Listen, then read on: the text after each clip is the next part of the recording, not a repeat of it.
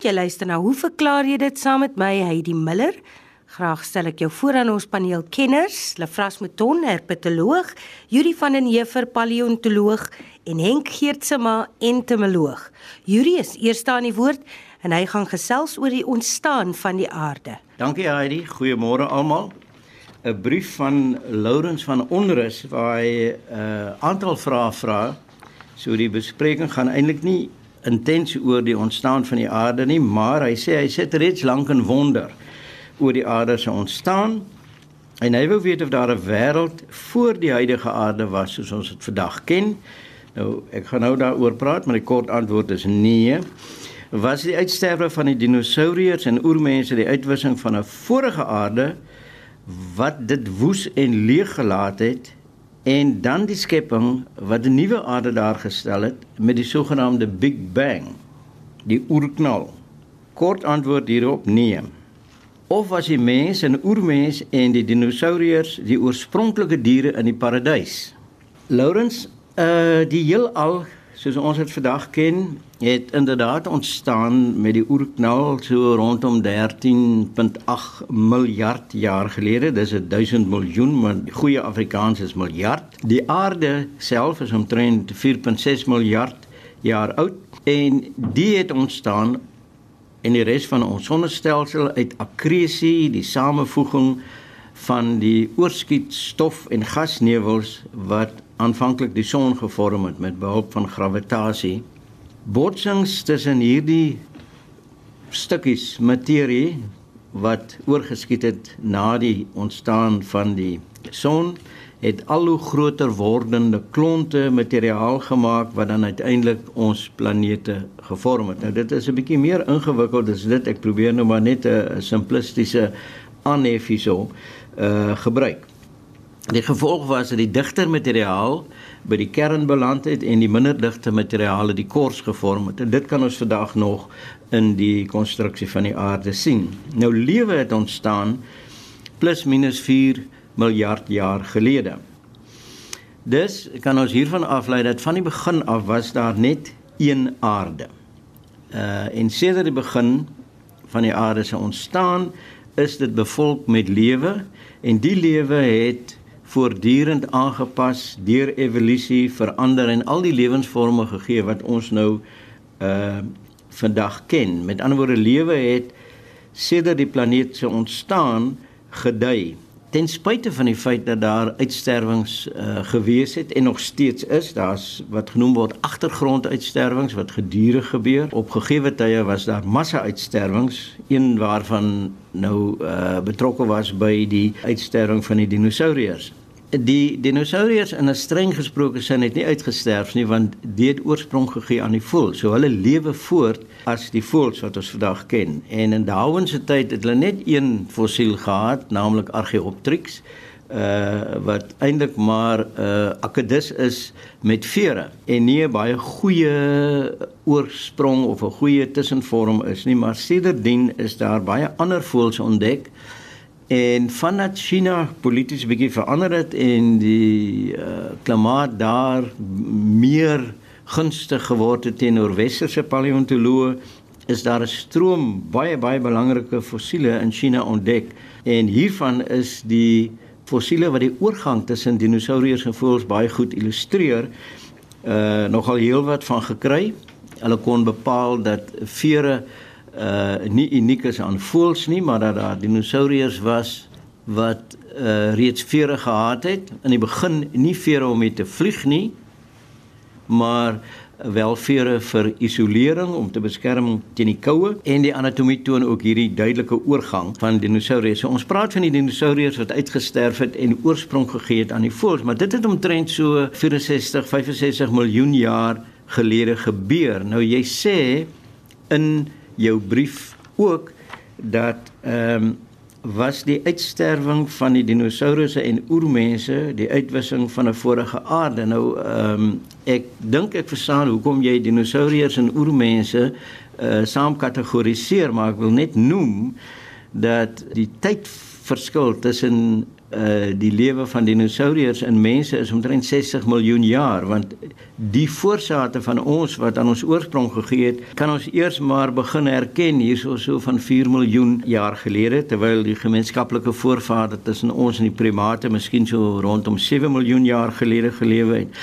So daar's hierdie groot skeiding tussen dinosourus en mense en ons kan hulle nie uh in hierdie geval in dieselfde asem noem nie.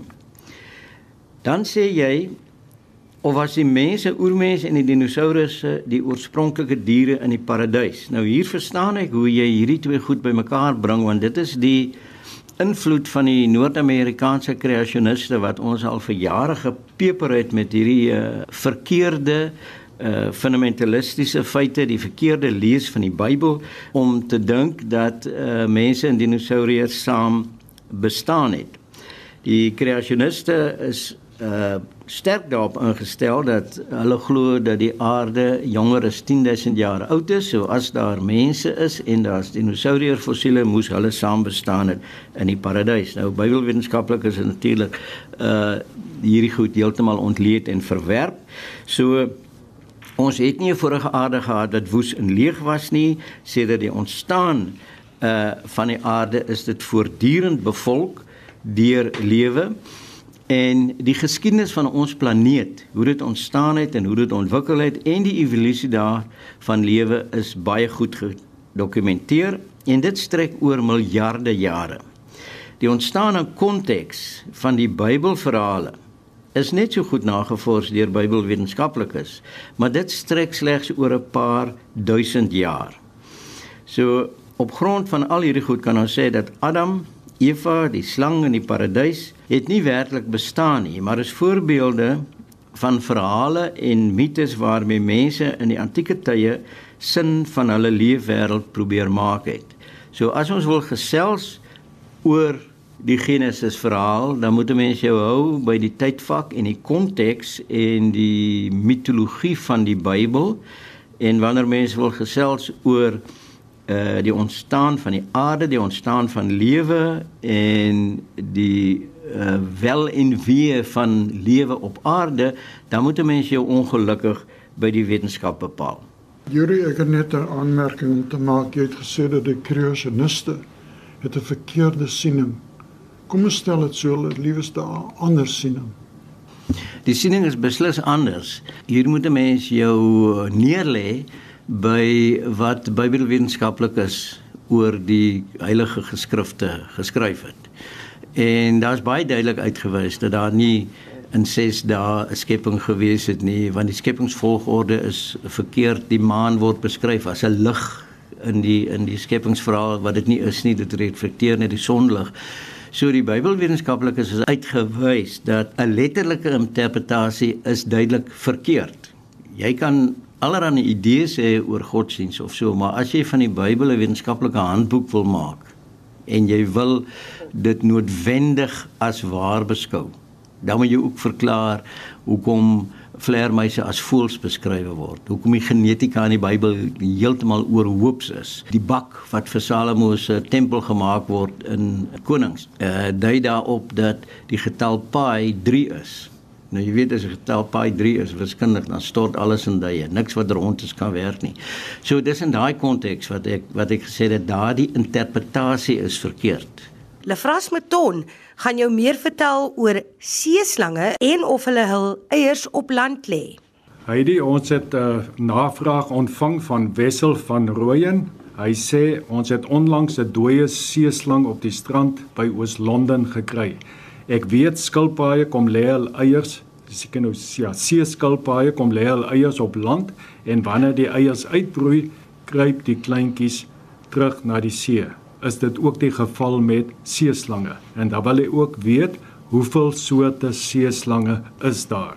Nou Hierdie slang wat Wessel daar by Oos-London gekry het, is definitief die swart en geel seeslang Pelamus platurus uh na sekere seeskilpaaie is dit seker die reptiel met die grootste verspreidingsgebied uh, wat mens kry want dit kom in die in die oop see voor, is 'n pelagiese spesies en die hele Indiese Oseaan, Stille Oseaan en uh van die ooskus van en dan nou suidkus van Afrika tot die weskus van die Amerikas en dan suid tot sover as die noordkus van Nieu-Seeland kry jy hierdie uh, seeslang. Dit is die enigste seeslang wat in ons waters voorkom. En soos ek gesê het, dit is 'n pelagiese spesies, met ander woorde, die oop see en is dan nou veral lief vir stroke van opdrifsels waar seestrome bymekaar kom en daar kan die seeslange dan nou in groot getalle leef en dit is ook waar paring plaasvind en hulle kan seker so half lê op die opdrifsels en van daar duik hulle in die water om vis klein visse te vang en uh seekatte en al die goed wat hulle eet. Daar is ongeveer 70 spesies van seeslange wêreldwyd en almal is verwant aan mekaar. Hulle is almal afstammelinge van 'n enkele voorvader. So hierdie beweging in die geskiedenis van land na water het net een keer plaasgevind, hè, en daardie voorvader wat nou in die see begin lewe het, het toe nou oorsprong gegee aan al die ander sees slange. Ek dink dit is belangrik om te weet dat hierdie voorvader van seeslange was 'n lid van die kobra familie, die Elapidae. So seeslange is almal giftig. Hulle giftande sit voor. Die meeste is nie aggressief nie, maar hulle kan byt en as jy gebyt word deur 'n seeslang, moet jy maar by die dokter uitkom. Die primitiefste seeslange is die vyf spesies wat uh, in die genus Laticoda. Nou om nou hierdie kwessie van of hulle land toe kom om eiers te lê, hierdie vyf spesies, né, die vyf primitiewe spesies, hulle is eierleend of ovipaar en hulle kom lê hulle eiers op land. Maar al die ander 65 spesies is lewendbarend. En hulle, die kleintjies word dus daar in die see gebore. Hulle kom glad nie land toe. En dit sluit nou die die swart en geel seeslang wat Wessel gesien het daar. Alle kleintjies sal mos nou lewend wees, maar hulle kry hulle is lewendbarend en die kleintjies word in die see gebore. Daardie spesies is permanent in die see. Hulle kom nooit op land nie. Dis net daardie 5 spesies wat glad nie in ons waters voorkom nie. Wat baie interessant is van hierdie wat nou lewendig of lewendbarend is, is dat die kleintjies is by geboorte relatief groot. By van die spesies kan die die kleintjies tot om ongeveer die helfte van die die ma se lengte wees. So uit die aard van die saak is die broeiselgrootte is maar klein enigiets van 3 tot 8 kleintjies op 'n slag. So hoe groot word hierdie slange? Uh, die meeste is so meter 1.2 tot 1.5 meter soos 'n redelike groot slang. Daar's een spesies wat tot 3 meter lank word. Gelukkig kom hy nie hier in ons waters voor nie. Nou seeslange het verskeie aanpassings uh, ondergaan om in water te kan lewe. Dit is maar die meeste diere, die soogdiere wat water toe geskuif het, seeskilpaaie, al die goed het moet seker aanpassings ondergaan het. Eerste is dat hulle het so 'n spaanagtige uh, stert, so 'n roeispaan wat hulle gebruik om vinnig te kan swem en die liggaam is lateraal afgeplat soos 'n verkleemannetjie sin van sy tot sy en dit beteken dat daardie ry ventrale skubbe, daardie enkele groot ry wat land uh slange gebruik om mee te beweeg. Daardie skubbe bestaan nie of hulle is nou baie klein en dit is een van die redes dat see slange as jy hom nou op sand sit, hulle kan nie beweeg nie behalwe daardie vyf spesies wat hulle eiers op land kon lê. Hulle het nog daardie breë ry skubbe. Baie interessant is dat see slange het hierdie baie lang long. Hulle het net een long en die long strek eintlik die hele lengte van die liggaam, die die buikholte. Dit natuurlik nou nie in die stert nie want die stert is solied. So dit is 'n baie lang long wat nou gevul is met natuurlik as hy gevul is moet hy suurstof kan verskaf as hulle afduik om kos te vang en die agterste deel van die long, die lug daar help eintlik as 'n dryf orgaan want die slange hou maar redelik in die diepsee ook. Hulle is bo by die oppervlak van die water. As hulle nie genoeg lug het nie, dan gaan hulle afsink na die bodem toe. Die neusgate sit bo op die kop want hulle moet kan asemhaal en as hulle opkom om asem te haal, natuurlik seeslange nou nie kiewe soos visse nie want dit is reptiele. En daardie neusgate kan ook met 'n klep sluit dat die water nie kan ingaan nie. En natuurlik as hulle so eet onder water kom daar baie sout saam in die water in en daardie sout moet uitgeskei word so hulle het 'n soutklier in die mond en dit is 'n aktiewe proses dis wat die sout uit die liggaamsvloeistowwe uitgehaal word. En dan ons weet dat slange skiet die hele tyd daai tongetjie uit om te ruik. En natuurlik water is ook 'n goeie medium om te kan inruik, maar hulle skiet nou nie daai tong hy volle lengte uit soos op op land hier. Hulle is net die klein die puntjies van die tong word net so uitgesteek om die water te te proe. So om op te som wissel, daar's net hierdie enkele spesies wat hulle eiers op land kon lê, die primitiewe spesies, maar die oorgrootste meerderheid is lewendbarend en die kleintjies word in die see gebore. En daar is ongeveer 70 spesies wêreldwyd seeslange en net een van hulle kom dan in ons waters voor. Ek sê dankie aan jou Lefras. Henk, jy wil gesels oor eendagsvlee. Ja, dag luisteraars. Jy sal onthou ek het so 'n paar maande gelede was ek heeltemal in vervoering oor 'n mooitjie wat by Bella Bella gevind is. Maar toe ek nou hierdie brief kry van Johan de Villiers van Centurion, het my hart my nog 'n slag gegee. Want jy weet, ek is nou omtrent 50, 60 jaar al verbonde met insekte. En elke keer leer ek iets nuuts.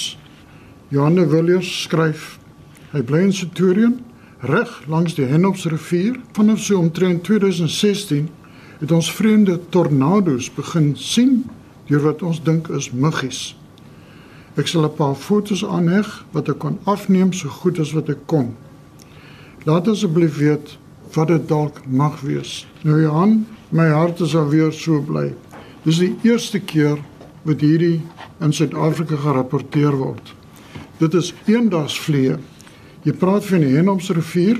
Nou gelukkig, ek het 'n skoolvriend gehad wat dan uh, langs die Henopsrivier gewoon het. En daar het ons opgemerk hoe baie eendagsvlee in die water voorkom. Uh, die Engelse is mayflies, maar natuurlik in Suid-Afrika sou ons hulle Septembervlee moet noem. Ehm uh, leef eintlik net een dag, eintlik 2 dae. Nou, hulle kom uit die water uit. Hulle leef in kokers En dis eintlik 'n baie primitiewe insek. Want waar gewone insekte 'n sogenaamde adiagus het, besit hierdie Ephemeroptera 'n dubbele penis. Dis die enigste insek waar 'n penis voorkom. Hierdie tornado wat Johan beskryf, is eintlik niks anders as paringsgedrag nie. Met ander woorde, wat gebeur wanneer die wyfies reg is vir paring en die paring is redelik ingewikkeld en is alles dubbel dubbel, dan is daar sulke swerms waar die mannetjies induik as dit ware en vir hulle 'n wyfie uitsoek, so hulle vry as dit ware in die bondel. Maar die ding is die hele bondel beweeg en soos Johan dit beskryf, dis 'n tornado. Dit word goed beskryf in Europa en in Noord-Amerika waar hulle dinge baie groot getalle voorkom. Maar na my mening is dit die eerste keer wat dit in Suid-Afrika aangemeld word. Ek het geleer van 'n vuurbal van vuurvliegies wat ons ook nooit opgeteken gesien het in ons entomologiese literatuur nie. So luisteraars, hou aan om vir my te leer. Ek is nog nie oud genoeg om te leer oor insekte nie. Dan kry ek 'n tweede vraag van James Wendell van Durbanville. En hy sê hy staan ver oggend in die stort. Nou ja, dit was 4 Maart gewees. Toe hy vlieg gewaar, toe neem hy die handstortkop en probeer hom of haar seker nat spuit om te versuip of weg te spoel. Nee wat? Hy of sy word glad nie nat of onvlugwaardig nie. Hoe verklaar jy dit aangesien hy kom beslis goed raak gespuit het? Nou James, as jy mooi na 'n vlieg kyk, so jy sien dat die vlieg se lyf is baie goed behaard. Jy het nou ongelukkig skoon water op hierdie vlieg gespuit. As jy seepwater op die vlieg gespuit het, sou jy wel die effek gehad het. Maar die water loop net van hierdie beharing af van die vlieg en die vlieg stuur hom nie aan die bietjie water nie. So as jy volgende keer dit wil doen, meng die handstortkop met so 'n bietjie seepskuim, dan sien jy 'n ander geval sien. Henk, 'n uh, vlieg dis sou op water kan loop, maar op seepwater sal hy dalk 'n probleem hê, sal ja. hy sink. Ja, dis 'n algemene tegniek as ons byvoorbeeld uh 'n proef wil doen om byvoorbeeld sekslokstowwe van insekte uit te toets, dan gebruik jy 'n groot waterbak. Dan sit jy nou die ehm uh, voorbereide sekslokstof en die middel op gewoonlike staanertjie en dan kom die mannetjie insekte in geval van 'n vroulike sekshormoon kom die mannetjies en hulle dwaal rond en dan val hulle in die water. Nou baie insekte val in die skoon water en kan weer wegvlieg. Maar as jy net so 'n bietjie versepingsmiddel bysit, veral die met die sitroensap byvoegsel, dan sien jy sien dat die insekte sak in die water in en hulle bly klou in die water en kan nie meer ontsnap nie. So jy kan na 24 uur kan jy baie mooi tel hoeveel insekte jy gevang die afgelope 24 uur. So dis 'n algemene tegniek met seepwater om die oppervlaktespanning van die water te verander. Jy weet baie kere sien mense insek mengsel dan sê die resep 1 ml op 'n liter water. Nou wat mense doen net om seker te maak die insek gaan 200% keer dood, dan sit jy dubbel dosis. Dis absoluut verkeerd. In die insektemiddel wat 'n organiese produk gewoonlik is, is daar 'n versepingsmiddel ingebou. As 'n mens die insektemiddel sonder die verseping gebruik, dan meng jy dit met water, maar as jy die water dan spuit op die plante, is die waterdruppel rond. En wat gebeur as 'n waterdruppel rond is? Dan rol hy af. Met ander woorde, daar's geen effek van die insektemiddel nie. As jy te veel insektemiddel insit in jou mengsel, dan word die waterdruppel plat. Met ander woorde, die oppervlaktespanning van 'n waterdruppel is rond vanweë oppervlaktespanning. Sit jy te veel versepingsmiddel in, dan raak die druppel plat en as jy dit dan spuit op plante, vorm dit 'n baie lyn skilverlaagie wat afval met die eerste windstoot of die sonstraal. So mense bly asseblief by die resep by die dosis want dan is die druppel ovaalvormig op sy grootste oppervlakte sonder dat die druppel breek en sonder dat die druppel afrol. So as die resep sê 1 ml per 1 liter water, hou daarby want dit is die mees effektiefste. Dis uitgewerk deur wetenskaplikes wat weet waarvan hulle praat. Ek sê baie dankie aan ons span, Yuri van den Heever, uh, Lefras Meton en Henk Geertsma. Tot aanstaande Sondag groet ek jou. Onthou jy kan skryf posbus 2551 Kaapstad 8000 onder die hoofie hoe verklaar jy dit of stuur vir my 'n e e-pos. Heidi by rsg.co.za. Ek spel weer eens my naam. Mense spel my naam verkeerd en dan kry hulle nie die e-pos by my uit nie. Dis H A I D E E. Ek groet tot aanstaande week.